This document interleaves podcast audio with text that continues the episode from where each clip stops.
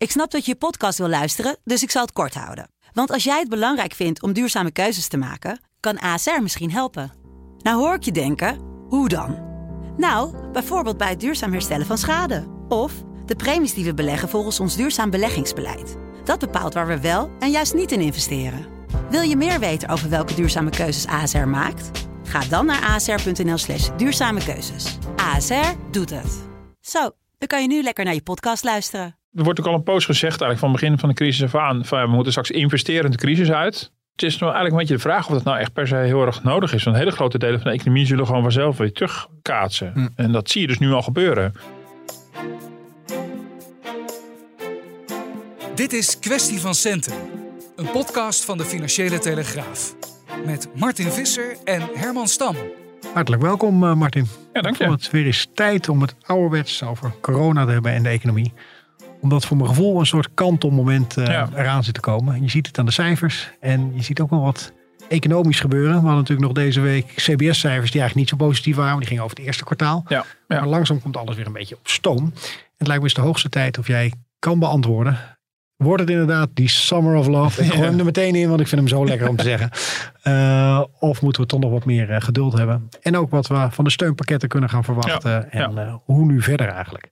Nou, laten we daar gewoon maar eens mee beginnen. Want eh, soms zit ik wel een beetje gekscherend van... eh, nou, jij de negatieve, ik de positieve. We moeten niet opeens van rol gaan veranderen natuurlijk.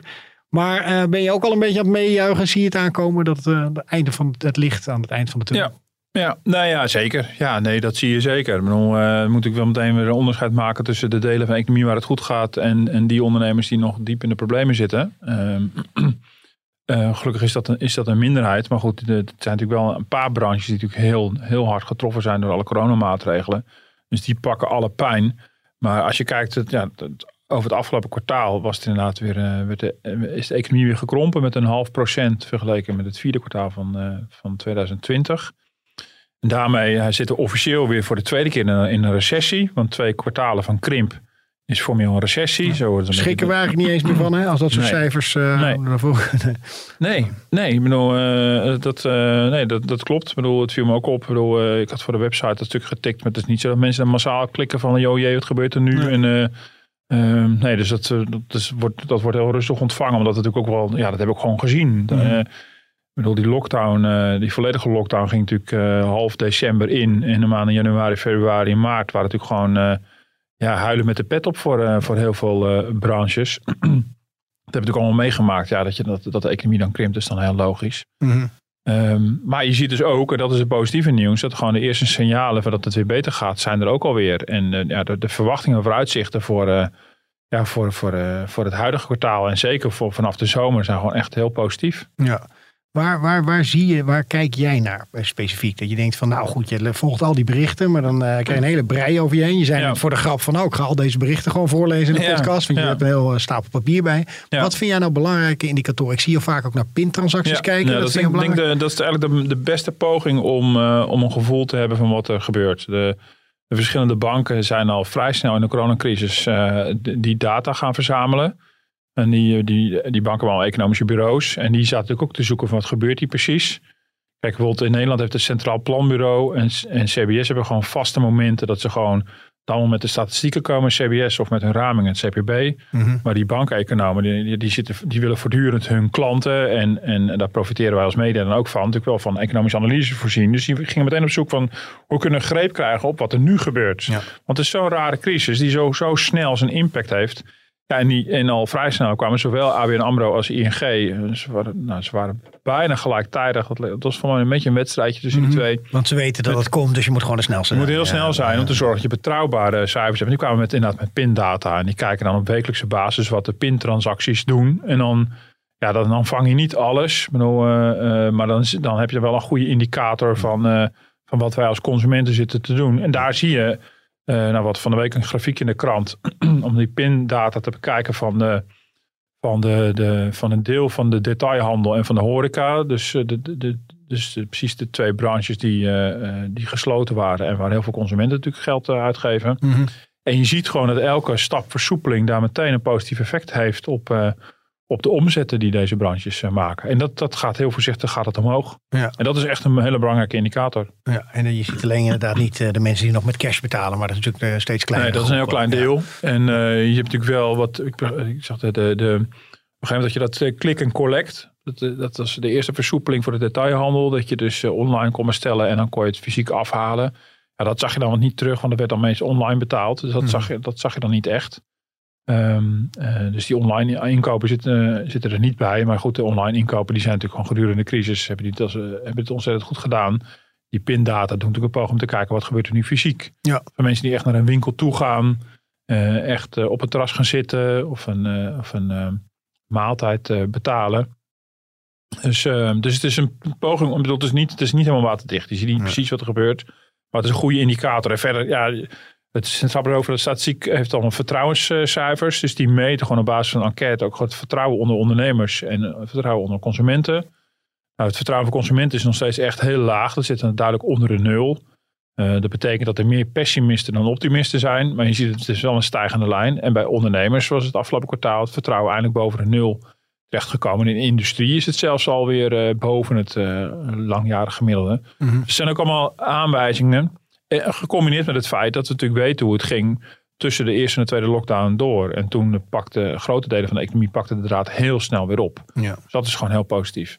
Hoe, hoe, hoe belangrijk, want je, je wordt, er wordt elke keer gezegd van nou, we, hebben, we hebben, ze hadden sowieso al een berg spaargeld, maar dan nu nog wat meer, want we hebben gewoon Ja. weinig kunnen uitgeven.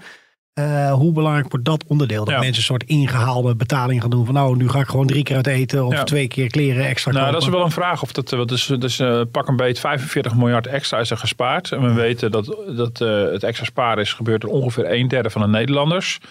Eh, ja, kan je je klompen aanvoelen. Dat zijn de, de, de mensen toch met iets betere inkomens.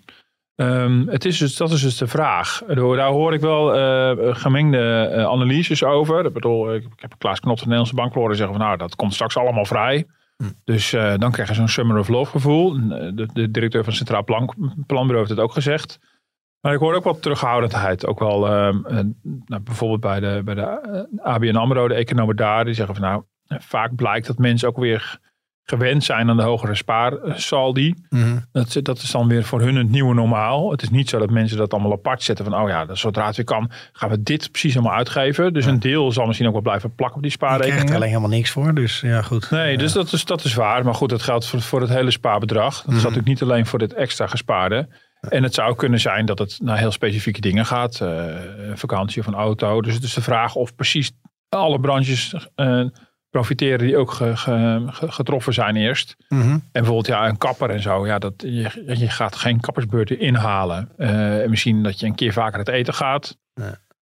Ja, ik kan me voorstellen dat je zegt, nou oké, nu kan die buitenlandse reis. Nou, deze zomer misschien nog net niet helemaal. Het is binnen de echt, de echt exotische reis naar verre Mhm. oorden. Maar op een gegeven moment komt op een moment ook de vraag is of je al dat geld meteen weer gaat uitgeven. Mhm. En of je alle gemiste vraag, dat is het dan, of je dat weer eh, echt gaat uitgeven.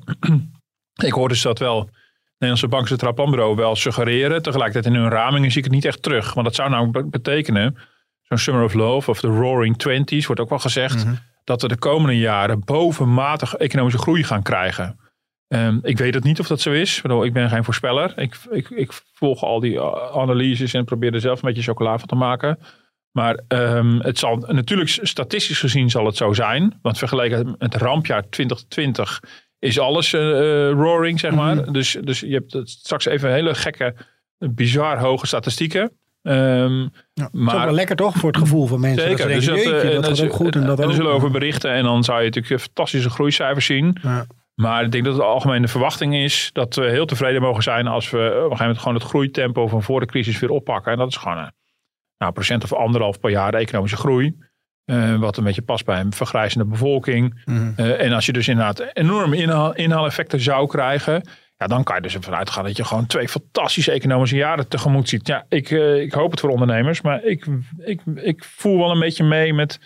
Nou, onder andere met de mensen bij ABN AMRO die ik gesproken had, die daar wat terughoudend in zijn. Daar, Mhm. daar in hun schattingen gingen ze ervan uit dat pak een beetje 1 vijfde van dat extra spaargeld vrij gaat komen en de rest niet. Nou, ik weet niet of dat waar is, maar Er zit, er zit, dus het is wel de vraag. Dus het is iets te makkelijk om te zeggen van nou, dat gaan we allemaal met z'n allen weer uitgeven. En dan blijft natuurlijk een beetje het probleem dat wij nooit eh, zulke robuuste groeicijfers meer krijgen, zoals bijvoorbeeld in China. Eh, Nee. Het is altijd een wat gematigde groei natuurlijk. Vind je ook dat we een soort reset-knop hadden moeten gebruiken nu van ja, maar daar gaan we echt ons geld mee verdienen in de toekomst? Nou ja, dat is een vraag die, die ook al voor corona wel speelde. En ehm, ehm, dat is wel iets, ja weet je, dus op zich is er wel politiek wel nu de ruimte voor. Financieel natuurlijk weer wat minder. Maar op zich is er wel de ruimte voor om te zeggen van nou, we moeten, dit is misschien wel het moment om een boost in die economie te geven. Eh, alles is in het teken van herstel. Investeren, investeren de crisis uit, dat is dan het mantra. Ja, misschien is het wel een goed moment. Nou, dat, dat, dat, dat groeifonds, eh, dat Wopke Wiebesfonds, is natuurlijk gelanceerd. Dat kan natuurlijk ook. Dat je zegt, nou, we gaan echt veel meer inzetten nog op innovatie en op kennis. En eh, dat zou op zich niet onlogisch zijn. Ja. Misschien kunnen ze meteen ook naar de kwaliteit van het onderwijs kijken. De- Ik bedoel de- ook bijvoorbeeld dingen zoals eh, de, dat hele tekort aan, aan chips, wat je nu ziet. Ja. Hè? Voor auto's en koelkasten. Nou, overal zitten die dingen geloof ik in tegenwoordig. Nederland is daar vrij goed in. Zou ik zeggen, nou, stop daar bijvoorbeeld je aandacht in. Als we dat goed kunnen en breid daar wat in uit. Ja, nee, dus dat zal misschien ook wel gebeuren. Eh, dus in die zin wordt er wel gekeken van, er moeten bepaalde investeringsprojecten komen. Ehm, en daar is ook wel, ja, de, de, de politieke wind is wel gunstig om, om, eh, als, over, om als overheid ook gewoon eh, allerlei investeringen aan te jagen, samen met de private sector. Dus dat zal er wel komen. Ja, of dat, ja goed, of dat ertoe leidt dat we dan ook na corona on- onze, ja, onze structurele economische groei echt flink weten op te plussen. Nou, dat weet ik allemaal nog zo net niet. Ehm, maar het is inderdaad wel dubbel. Want je zegt, ja, misschien was dit wel het moment. Maar je ziet ook, ja, die, die, die ministers en die ministeries zijn eh, hartstikke druk om gewoon, eh, gewoon de, de, de, de situatie van dag tot dag Ja. eh, te sturen. Nou, de formatie lijkt nu enigszins op gang te komen. Maar is tot nog toe ook ook met andere dingen bezig geweest dan, dan het verdienvermogen van de Mhm. economie. Ja. Ehm, eh, ja, op zich is het wel een logisch moment om daar op zich om weer naar te kijken. Je, je hoort natuurlijk veel ondernemers zeggen van joh, eh, ga eens regeren, ga eens formeren, eh, aan de slag weer. Ja. Denk je dat het ook echt te merk is dat er nu een beetje zo op zijn gat ligt in Den Haag? Of gaat alles eigenlijk wel door en dan Ja. loopt het wel? Ja. Ehm, nou ja, als je, als je natuurlijk nu kijkt, corona gerelateerd waar ondernemers mee te maken hebben, dat loopt wel, behalve nou, ik moet wel zeggen, de, de, de, de, eh, de gesprekken over die, de verlenging van de noodsteun. Nou goed, dat, dat, gaat, dat gaat dan nu bijna gepresenteerd worden. Dat zal na het weekend zijn. Is nu de verwachting op dinsdag. eh, wordt daar formeel meer over bekend. Ehm, dat, dat duurt allemaal weer even. Eh, ik zag ook wel dat, dat de gesprekken met, eh, met werkgevers en, en vakbonden over een herstelpakket hebben erg lang geduurd. Hoe om te gaan met alle schulden die ondernemers hebben opgebouwd. Daar, daar komen ook, ook ideeën en plannen voor. Dus in die zin heeft het wel effect, denk ik. Ik, bedoel, ik denk dat heel veel lopend werk wel gewoon doorgaat. Maar er is wel degelijk wel effect. Ja. Ja, dat Den Haag wel heel erg op zichzelf gericht is geweest. Ja, en voor een grote ambitieuze economische agenda voor de komende jaren. Ja, ik hoop dat, dat men erin slaagt om dat, eh, om dat voor elkaar te krijgen. Want ja, ik begrijp, het wordt nu een beetje voorgezet op een coalitie, coalitie van vijf partijen. Ehm, nou, dat is inhoudelijk al heel ingewikkeld. Ja, ze moeten een enorme drempel over om, om van het gedoe over, over poppetjes, eh, wie met wie vooral niet wil, nu met hem te slag te maken van wat, wat willen we eigenlijk inhoudelijk. Nou, ik ben benieuwd of, of, of, of dat gaat lukken, of er echt iets, iets ambitieus uit gaat komen. Ja.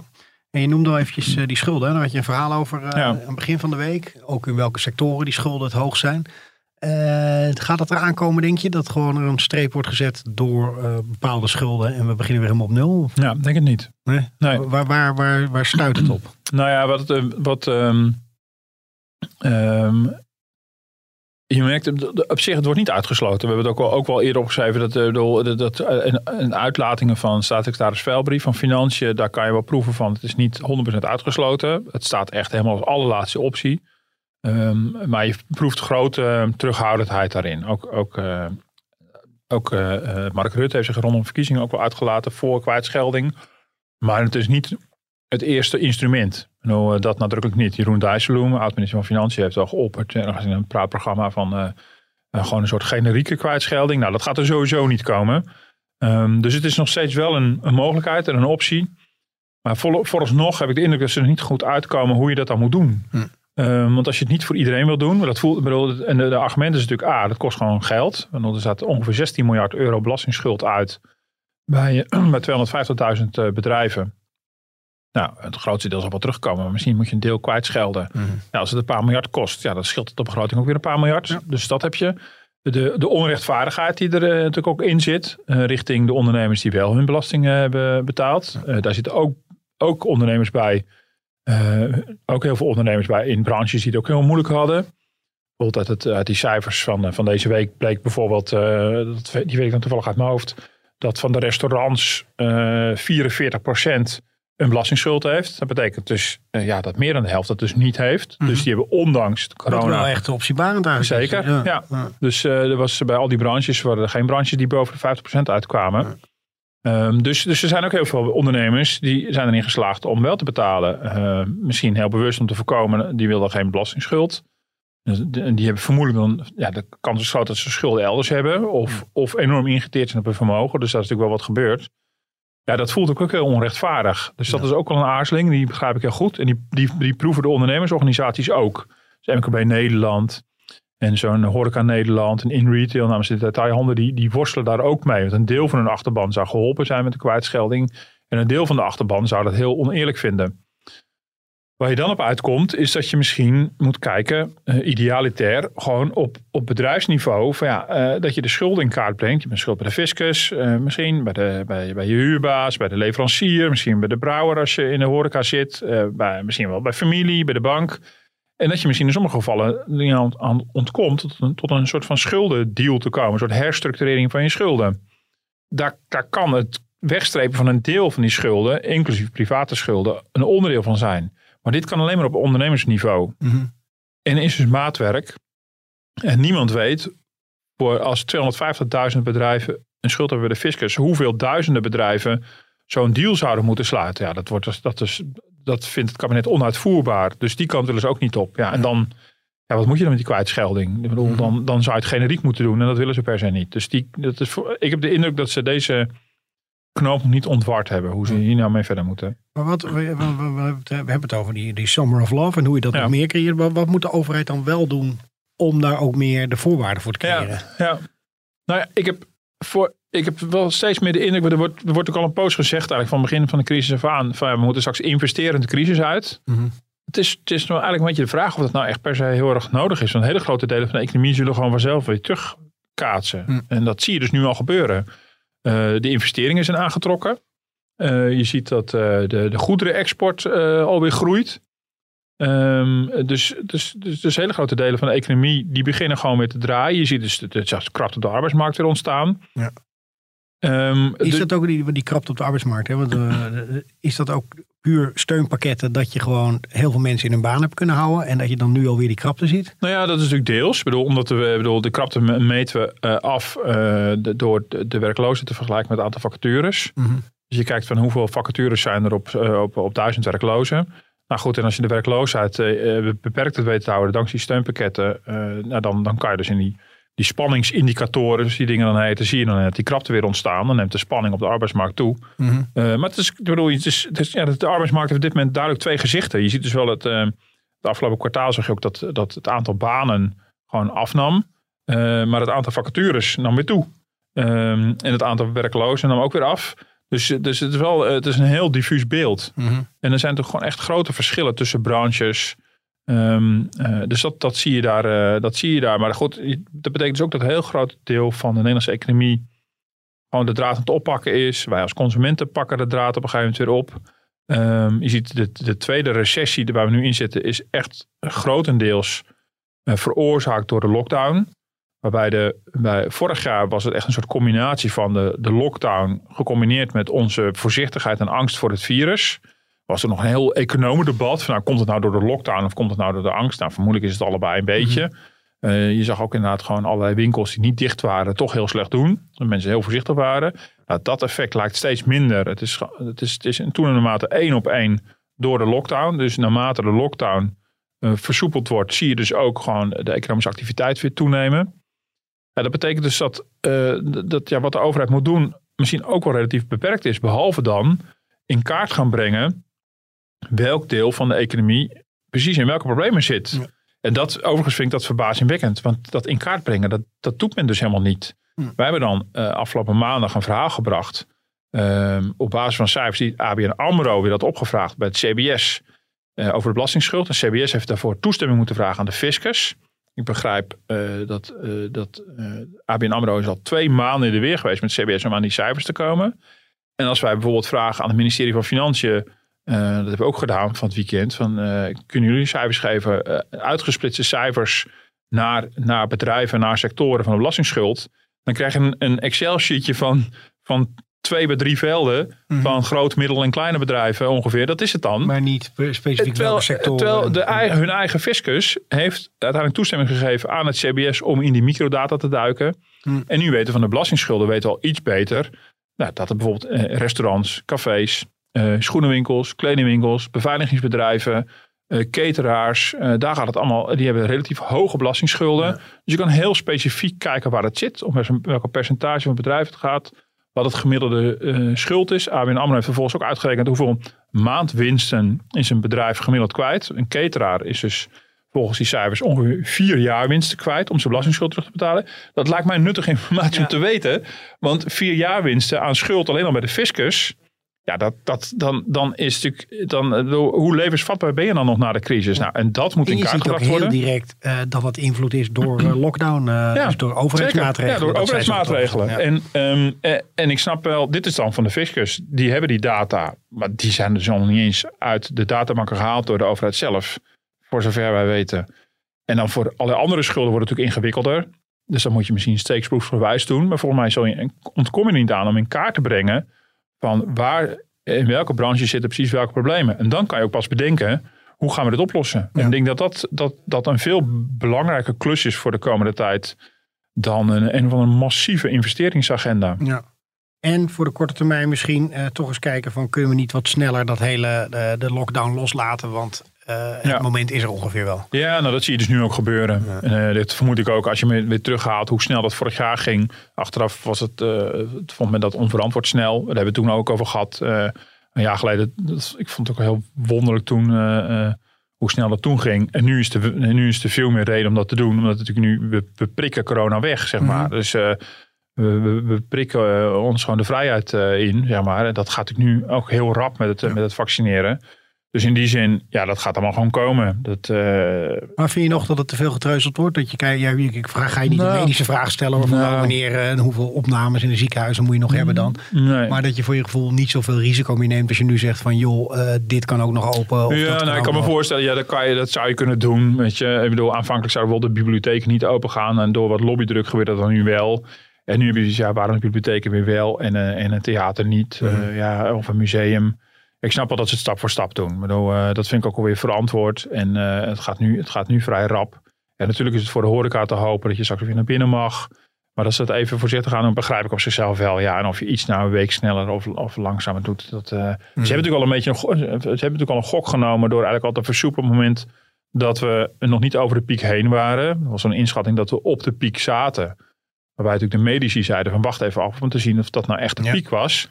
Dus in die gok is goed uitgepakt. Dat was natuurlijk al best wel tricky uh, om dat te doen. En nu ziet het er gewoon heel, uh, heel goed uit. Je zal natuurlijk zien, dat zie je in andere landen ook, dat nu die vaccinaties met een miljoen per week gaan. Nou, die, die cijfers die gieren straks omlaag. Dat gaat ook heel rap.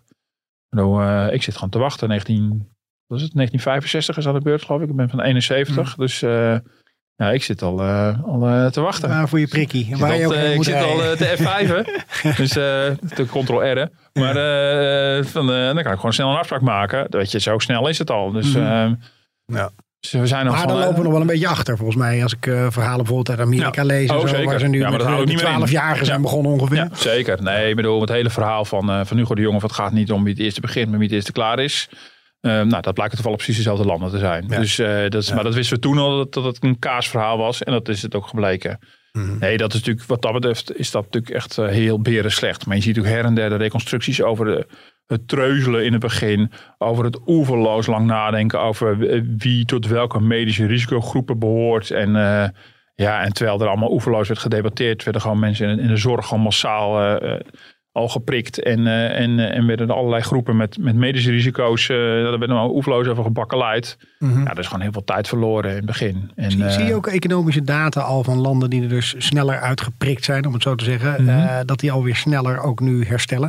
Nou, ik moet even kijken. Ik heb die van Europa wel paraat. Nou, dan zou je, uh, dan zou je verwachten dat, dat het Verenigd Koninkrijk dat al laat zien. Mm -hmm. Maar die komen van een dermate diep dal dat je dat uh, nog niet heel erg ziet. Je hebt natuurlijk, uh, dat, uh, van de week was Marcel Levy, die Nederlander, die de basis van Londense ziekenhuizen op tv, die natuurlijk ook zei van ja, het vaccinatieprogramma in, in, het Verenigd Koninkrijk, ja, dat was, ging goed, maar we vergeten bijna hoe dramatisch het daarvoor was in het Verenigd Koninkrijk. Ja.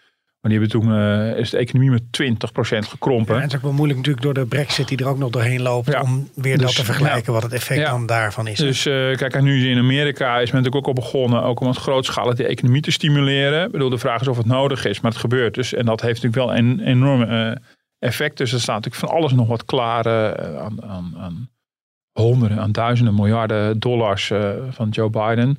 Als je dan even naar die Britse cijfers weer te kijken, ja, dan zie je dat nog niet echt. Maar dat gaat ongetwijfeld wel komen. Mhm. Maar die Britse economie heeft een klap gemaakt van je welste. Dat is ongekend. En Nederland springt er in dat opzicht dan wel weer relatief gunstig uit.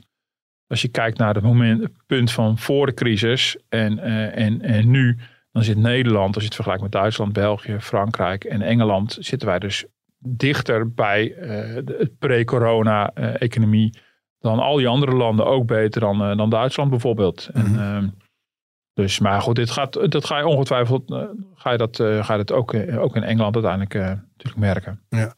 Um, ik wil het ook nog even met je hebben over de lonen. Want uh, hoe gaan we mee profiteren? Dan krijg je op een gegeven moment weer die groei. Uh, ik ja. hoorde alweer geluiden van nou, uh, qua CO-lonen zijn we er, zitten we ongeveer op een nullijn. Ja. we moeten ons niet te veel verheugen dat we meteen mee gaan profiteren als ik het goed begrijp. Ja, nou hier heb je dus ook heel erg verschillen. Ik bedoel, het, het, viel me wel op. er was inderdaad een bericht van de week van AWVN. Dat is iets onbekendere werkgeversorganisatie gelieerd aan VNO-NCW. Maar zij zij begeleiden dus, nou, pak bij het 400 CO's. Ongeveer de helft van de CO's in Nederland uh, uh, uh, zijn zij bij betrokken.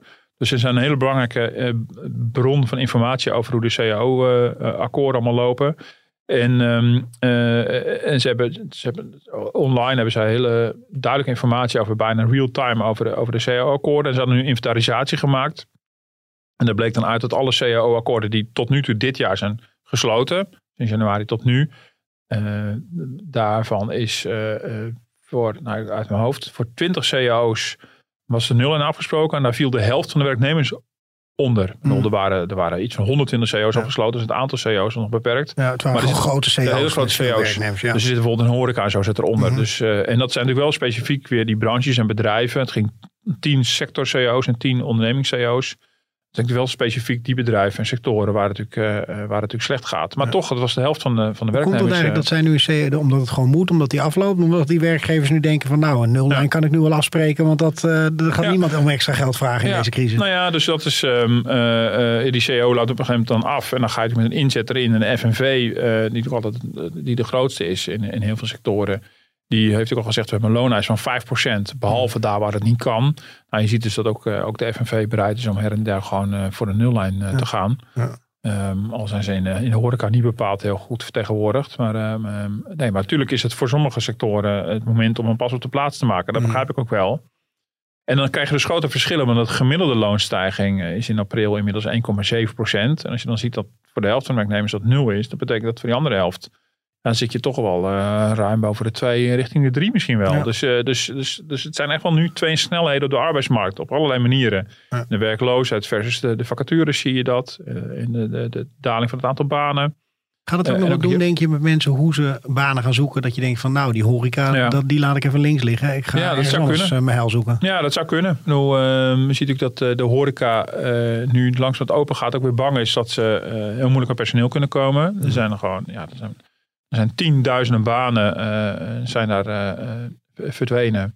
Hm. En uh, de vraag is of, of, ja, of die mensen weer zomaar ja, terug gaan komen. misschien is het even niet, ja, dat, dat moet een beetje blijken. Hoe makkelijk of hoe moeilijk het is.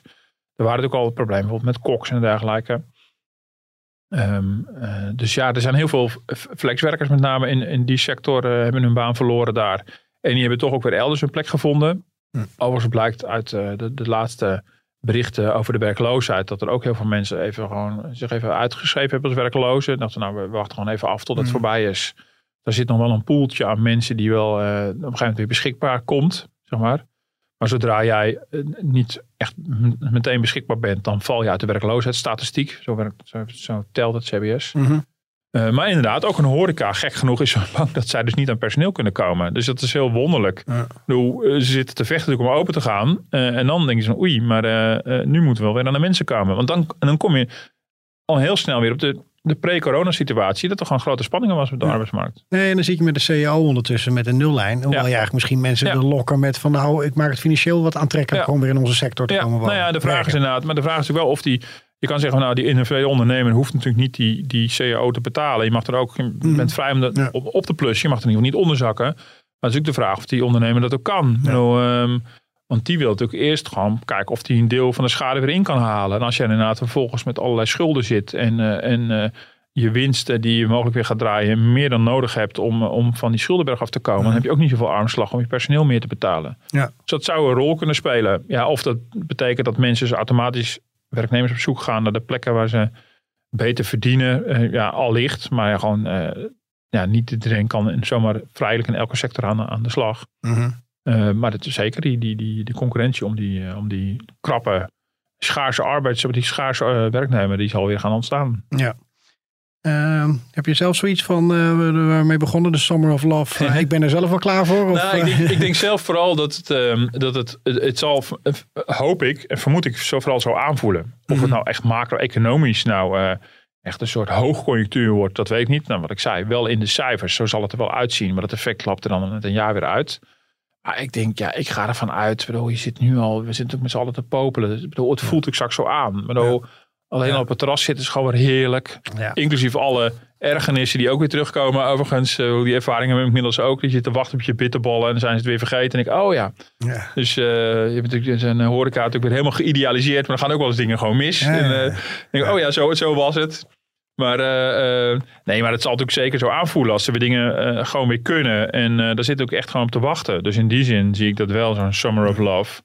Eh, dat Dat er gaat is misschien wel een mooie pas op de plaats onder alle ellende. En dat wil ik helemaal niet bagatelliseren. Maar dat je wel even weer beseft van hoe mooi dat soort Ja. dingen waren die we konden voor Ja, zeker. begon. Ja, ja. En ik ben heel benieuwd hoe snel alles weer normaal is. Dat, eh, hoe, het- hoe snel het weer normaal aanvoelt. Want ik zeg, nou, zo'n terras, we hebben het in, in de meivakantie een paar keer gedaan. En dan eh vind je het alweer snel normaal. Dus al die maanden dat het niet kon, Mhm. dan had je zoiets oh, wat zou ik wel heel graag even, even een biertje drinken. Of met mijn gezin even een hapje eten in een leuk eetcafé. Of, ja, en straks doe je het dan weer. Ik ben ook een beetje bang Ja. dat na één keer is het alweer heel, heel normaal. Terwijl je eigenlijk heel graag dat gevoel wil vasthouden. Maar ik denk dat... eh, ja, je bedoel, dat zit er ook. ik Bedoel, eh, als straks niet alleen de opa's en oma's, maar ook wij gevaccineerd zijn. eh, en je bent veilig en je kan weer op een normale manier met elkaar omgaan. En je kan normaal op vakantie en op een gegeven moment gaat het mondkapje eruit. Die anderhalve meter gaat eruit. Ja, of dat nou in de economische statistieken terug te vinden is, eh, dat, dat doet er eigenlijk toch niet zoveel toe. Dat is gewoon heerlijk dat dat op een gegeven straks weer kan. Ja.